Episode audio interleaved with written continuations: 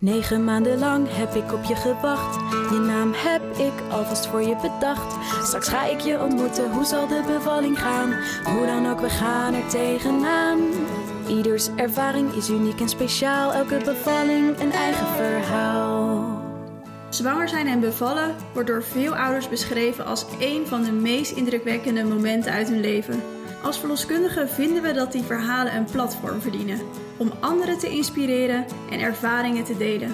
Daarom hoor je vandaag het verhaal van Roxanne. Hoi, ik ben Roxanne en ik ben 31 jaar en ik woon in Ede. Ik heb een prachtige dochter van 4 en een zoontje Jackson van inmiddels 4 maanden. Ik heb mijn bevallingsverhalen opgeschreven. Dit eigenlijk omdat ik het voor een groot deel heel erg fijn vond. eh, Om het later te kunnen delen met Jax. eh, Maar ook om een stukje verwerking te pakken voor mezelf. Bij mijn dochters bevalling heb ik best wel een pittige bevalling gehad in het ziekenhuis. Ehm, wat ik eigenlijk nooit helemaal goed heb kunnen verwerken. En dit keer wou ik het gewoon echt anders aanpakken. En daarom besloot ik een hypnobirthing cursus te doen op aanrader van de verloskundige. Om zo toch een beetje mijn oude herinneringen los te laten en te kijken naar nieuwe mogelijkheden. Het terugvinden van het vertrouwen in mijn lichaam is daarbij key geweest. Mede door de cursus en door erover te praten en het gewoon aan te pakken, heb ik een hele andere kijk gekregen op bevallen. Ik zie het nu eigenlijk meer als iets bovennatuurlijks in plaats van iets klinisch. En dat deel ik daarom graag met jullie. Zo begon ik mijn reis door de tweede zwangerschap en kwam ik uit bij 3 maart 2021. Het is 3 maart, half 4 en ik word voor de tweede keer wakker vannacht. Ik voel me behoorlijk wat krampen in mijn onderbuik en het lijkt alsof ik even goed ongesteld moet worden. Ik probeer me nog een keertje om te draaien, maar dat gaat niet zo makkelijk meer en ik kies er daarom voor om toch even te gaan plassen. Eenmaal terug in bed herinner ik me deze pijn. Het voelt als hetzelfde als de nacht voordat de weeën bij Zoe begonnen. Zou het game on zijn? Het is 3 maart, 7 uur 56. Het is een onrustig nachtje en het heeft niet helemaal doorgezet. Na behoorlijk wat wringen ben ik toch weer in slaap gevallen met rare dromen en zweetaanvallen. Ik word wakker van papa's wekker en van je zus die bij me in bed kruipt met een dikke knuffel voor mij en een knuffel voor jou. Oké, je kwam niet vannacht, maar de dag is nog niet voorbij. Het is 4 maart. Happy due day to us. Het is kwart voor drie s'nachts en ik lig al vanaf twee uur wakker. Ik moet letterlijk elk kwartier plassen en mijn botten doen pijn. Ik kan gewoon niet langer op één kant liggen, dus ik word constant wakker.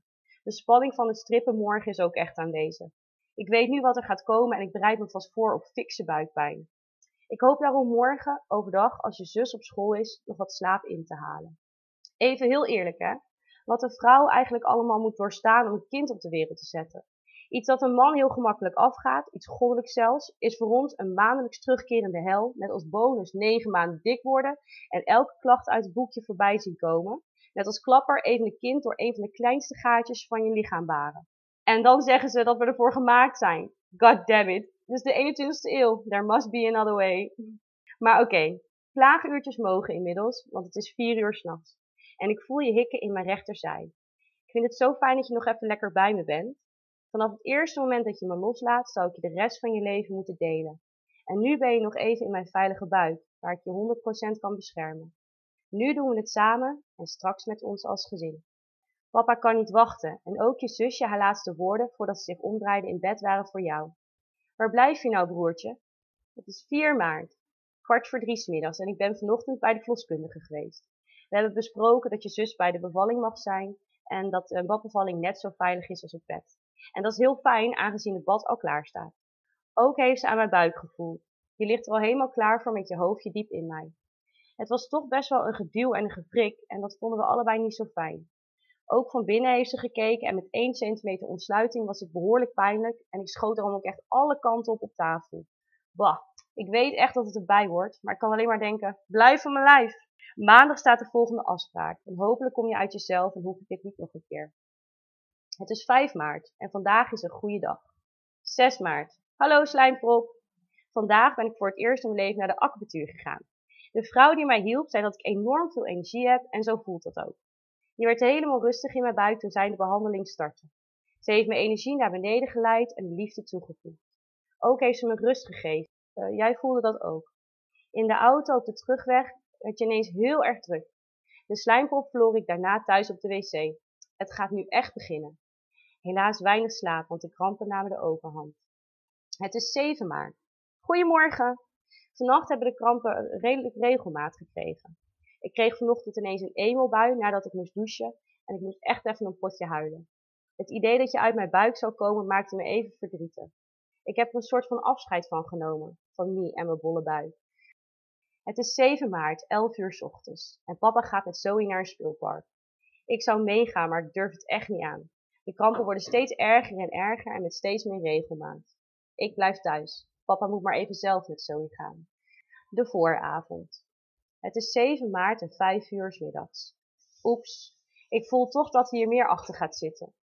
De krampen worden steeds regelmatiger en ik begin toch een beetje onrustig te worden. Het hele huis moet aan kant. Ik waggel en ik loop door de keuken. Alle rommels moeten aan de kant, want ik heb ruimte nodig. Je vader kijkt me aan alsof ik gek word, maar hij voelt het onrustige gevoel niet. In mijn hart weet ik het al, het is zover. En terwijl ik alle kaarsjes één voor één wissel, sluit ik mijn ogen om de kramp de baas te blijven. En net op dat moment gaat de bel. Je vaders eten komt met een walm de keuken binnen. Wat dat, biefstuk en spaghetti. De geur doet me bijna achterover slaan. Hij vraagt me of ik een hapje wil en ik zwaai hem weg en zeg, uh, nee, dankjewel. Ik loop liever nog een rondje om het keukenblok. Want ja, elk rondje is anders, dus laten we maar wat meters maken. Het is inmiddels tien uur s'avonds en shit just got real. We zijn naar het bed verhuisd en de kaarsjes staan aan. De affirmaties hangen aan twee kanten van het bed. Ik kijk naar het lege wiegje en ik hoop met heel mijn hart dat hij vanavond gevuld wordt. Je vader ligt naast me te slapen, terwijl ik met een regenboogontspanning van de cursus on repeat de weeën probeer onder controle te houden. Bouw op en laat alle spanning los. Ik zucht en adem mee met elke golving. Nooit gedacht dat ik het de tweede keer zo liefdevol onder controle zou hebben. Ik vertrouw op mijn lichaam en op ons. Dankbaar breng ik mijn handen naar jou. We doen het samen, mannetje, luister ik zachtjes tussen de weeën door. Het is 22 uur 40 en ik begin met het timen van de weeën in de app. 22 uur 41. W, 53 seconden. Tussentijd bijna 10 minuten.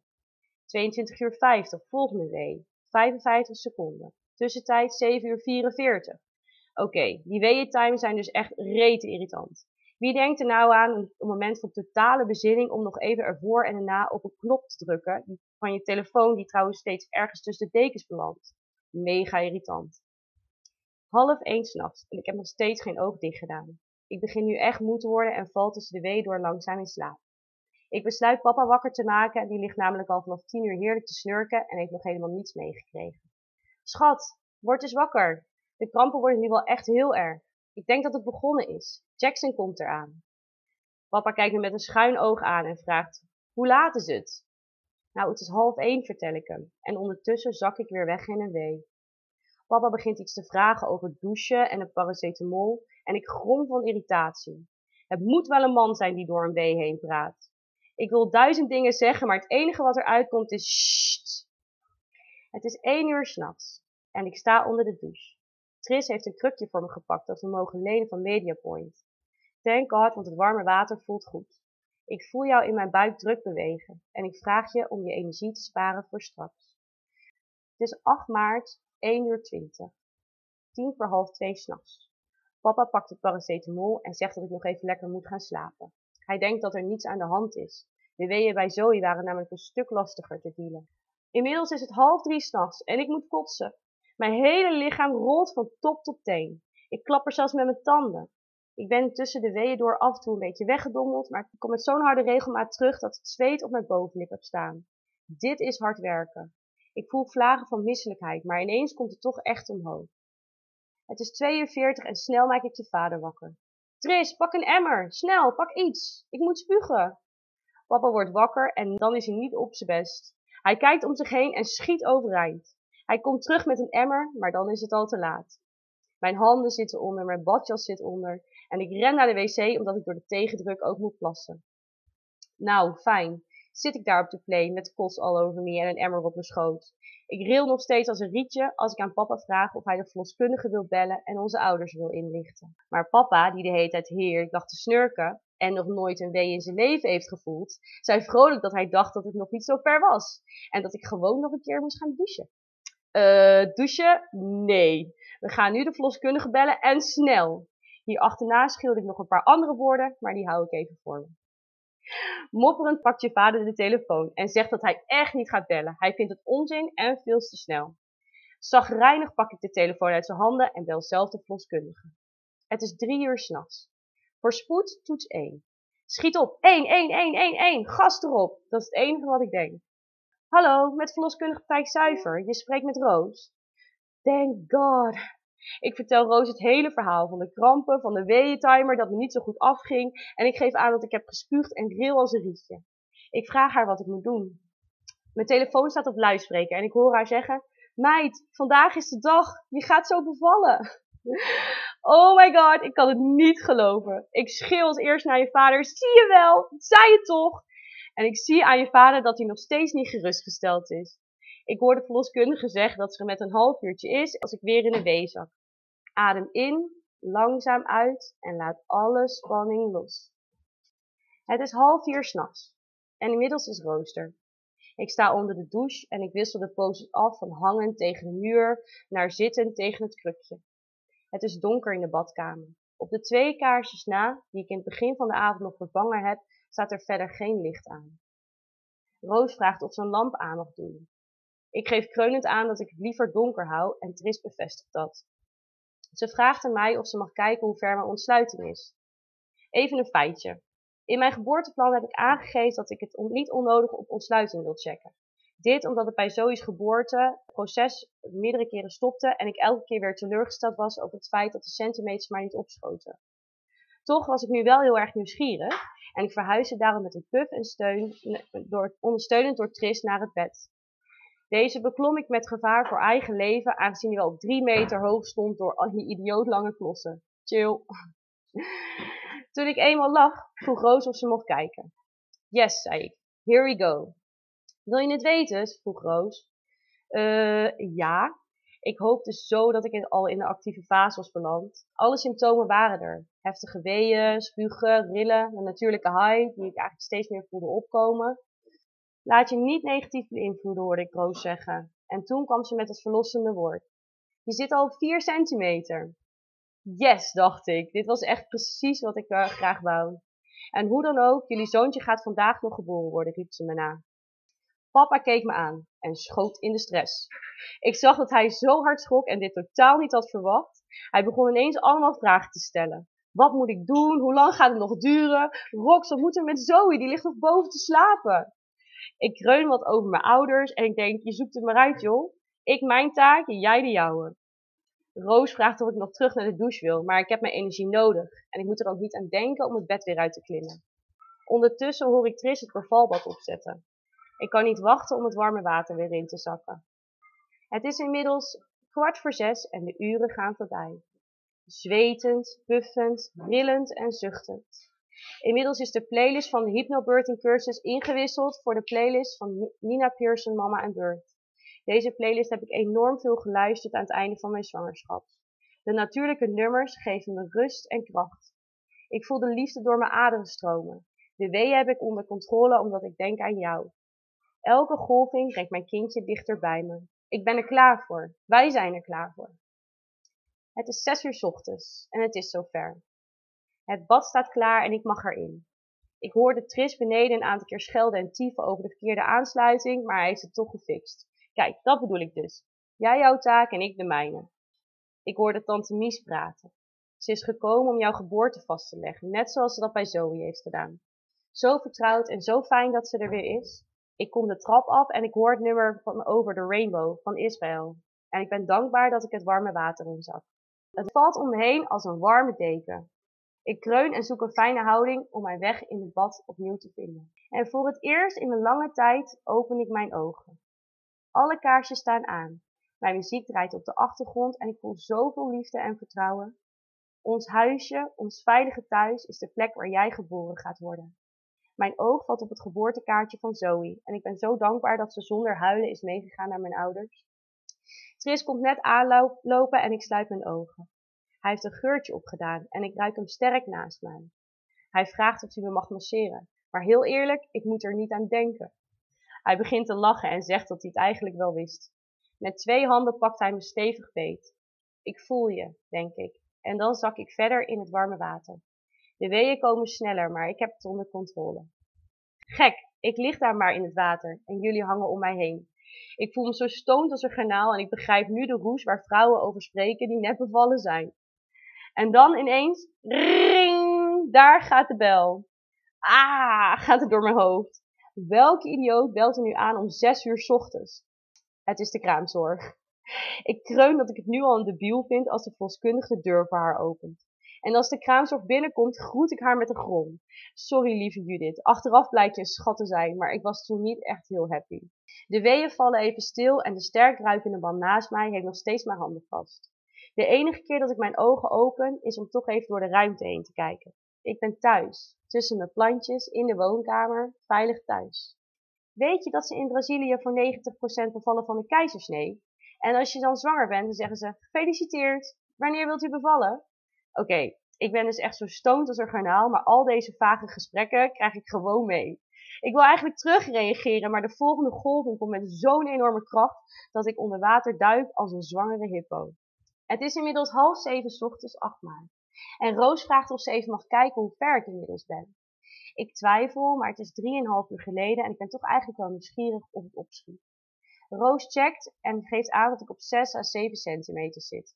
Oké, denk ik, dat gaat de goede kant op. Ik hoor Roos zeggen terwijl ze het hartje van jou checkt of het een idee is om het vruchtwater te breken, omdat de kleine dan met een uurtje ongeveer geboren gaat worden. Nou weet ik dat het niet per se nodig is en het breken van het vruchtwater er ook voor kan zorgen dat je hele heftige weeën krijgt, wat niet fijn is voor mij, maar ook niet fijn is voor jou, dus ik twijfel. Het is wel echt een heerlijk idee om hier met een uurtje ongeveer klaar mee te zijn. Dus ik mompel dat ik erover nadenk, maar dat ik bang ben voor de weeën. En dat ik enorm moe ben. Ik hang tussen de badrand in de armen van Tris. Roos zegt dat ze weet dat ik het kan. Kijk hoe ver je al bent gekomen, zegt ze. Ik weet dat je dit aan kan. En na wat bedenktijd besluiten we toch om het te doen. Het is half zeven ochtends en met een hartstokje prikt Roos het vruchtwater door. Ik wring me in tienduizend bochten en bedenk me waarom ik liever een wee heb dan dit. Bleh, dit is echt zo niet mijn ding. Het vruchtwater stroomt uit me in het bad en ik ruik de zoete geur. Heel gek, maar het is zo vertrouwd. En weer voel ik jou zakken, dichter naar mij toe. Ook Roos voelt jou bewegen en ziet het aan de hartslag. Je lijkt nu al enorm op je zus. Die deed precies hetzelfde de laatste seconde dat zij geboren werd. De weeën worden heftiger en ik weet even niet waar ik het zoeken moet. De volle kracht naar beneden is steeds heftiger en Roos moedigt mij aan op de achtergrond. Ik hoor tante Mies zeggen dat ze trots op me is en papa geeft aan dat ze het zo fijn vindt dat we lekker thuis zijn. En het enige wat ik denk is laat me niet los, schat. Ik heb je nodig. Het is kwart over zeven en ik voel de drang om te persen. Geef maar mee hoor, zegt Roos op de achtergrond. Ik probeer een soort van zittende houding en ik druk mee. Dit duurt lang. Ik heb het idee dat er een uur voorbij is gegaan en dat er eigenlijk nog niet veel gebeurt. Dus ik vraag om bevestiging. Je doet het hartstikke goed. Het is helemaal oké hoor ik Roos zeggen. Ze overleggen met elkaar, maar voor mij lijkt het een eeuwigheid. Let's get this baby out! Ik ben ondertussen een half uur aan het persen, maar er zit echt geen vaart in. Ik voel je van binnen wel langzaam dichterbij komen, maar buiten zie je niks. Ik ben eigenlijk gewoon bang. Ik ben bang dat de weeën de overhand nemen. Bang dat ik dit niet aan kan. Ik ben bang dat ik niet weet hoe ik dit moet doen. Ik ben bang dat het weer verkeerd gaat, zoals bij Zoe. Ik wil niet weer al die complicaties en ik blokkeer mezelf in mijn hoofd. Ik wil niet dat de angst de overhand neemt. Adem in, langzaam uit en laat alle spanning los. Het is acht uur ochtends en Roos vraagt of ze het nog even mag kijken. Ik laat haar toe en al gauw geeft ze aan dat ik de 10 centimeter bereikt heb. Wat fijn! Dit geeft mij de juiste energie en ik zet me vol in om jou eruit te krijgen. Het is tien over acht en ik pers op elke wee. Ik voel de kracht en de richting. Ik zie de affirmaties van de bloem die opent. En ik zie jou door het geboortekanaal komen. Het jeetje moet je door. Kom maar Jackson, je bent er bijna. Bijna uit mijn warme buik en in mijn veilige handen. Ik zal je met liefde dragen en voor altijd opvangen. Vertrouw op mij, je bent niet alleen. Het is kwart over acht. Ik pers en ik pers. Ik pak elke adem en ik druk zo hard mee als ik kan.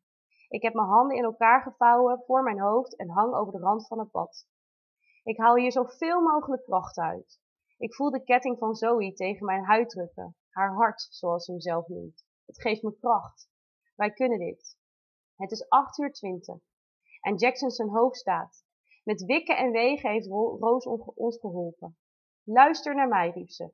Stop met persen en wacht tot de volgende wee. Oké, let's go, Rox. Geef alles dat je hebt.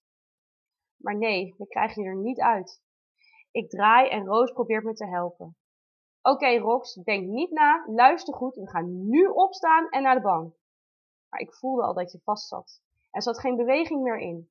Het dacht, stond ik op en liep ik met jou over de rand van het bad heen naar de bank. Ik weet nog dat ik riep, hoe moet ik gaan liggen dan? Maar terwijl ik het zei, lag ik al. En nu persen, riep Roos. En na drie keer met al mijn kracht persen, kwam jij, Jackson, onze prachtige zoon, uit mij en op mijn borst. Het is acht uur 37. Je rook zo zoet en je kwam in stilte. Maar bang was ik niet. Ik weet nog dat je genoeg zuurstof hebt in je navelstreng die tussen ons in zit. Ik begin te wrijven, net zoals Roos, en ineens brak door de stilte jouw gehuil. Je donkere ogen schoten open en zochten die van mij. Daar ben je dan! De adrenaline die, die ik in mijn hart voelde gieren maakte plaats voor ongekende liefde. En met een opluchting keek ik naar papa, die met grote ogen terugkeek naar mij. Je hebt het weer geflikt, schat, zei hij met trots in zijn stem. Lieve, lieve Jackson, nooit heb ik zo dicht bij het spirituele gestaan als tijdens jouw zwangerschap en bevalling. Je hebt me leren loslaten en vertrouwen op mezelf, op jou. En ik ben enorm dankbaar dat je gezond en met liefde op de wereld bent gezet. Dankbaar dat ik jouw mama mag zijn till the end of days. Welkom in ons gezin, waar je altijd een deel van zal zijn. Liefs mama. Je luisterde naar het open en eerlijke verhaal van Roxanne. Ze vertelde hoe ze de vervelende ervaring van haar eerste bevalling omzette in positieve energie om van deze bevalling een hele andere beleving te maken. Nou, en dat deed ze. We geloven dat het delen van eerlijke en inspirerende verhalen als deze niet alleen heel leuk is, maar ook een positieve bijdrage levert op de kijk op zwanger zijn en bevallen. En dat is nou precies ons doel. Fijn dat je luisterde en tot de volgende keer.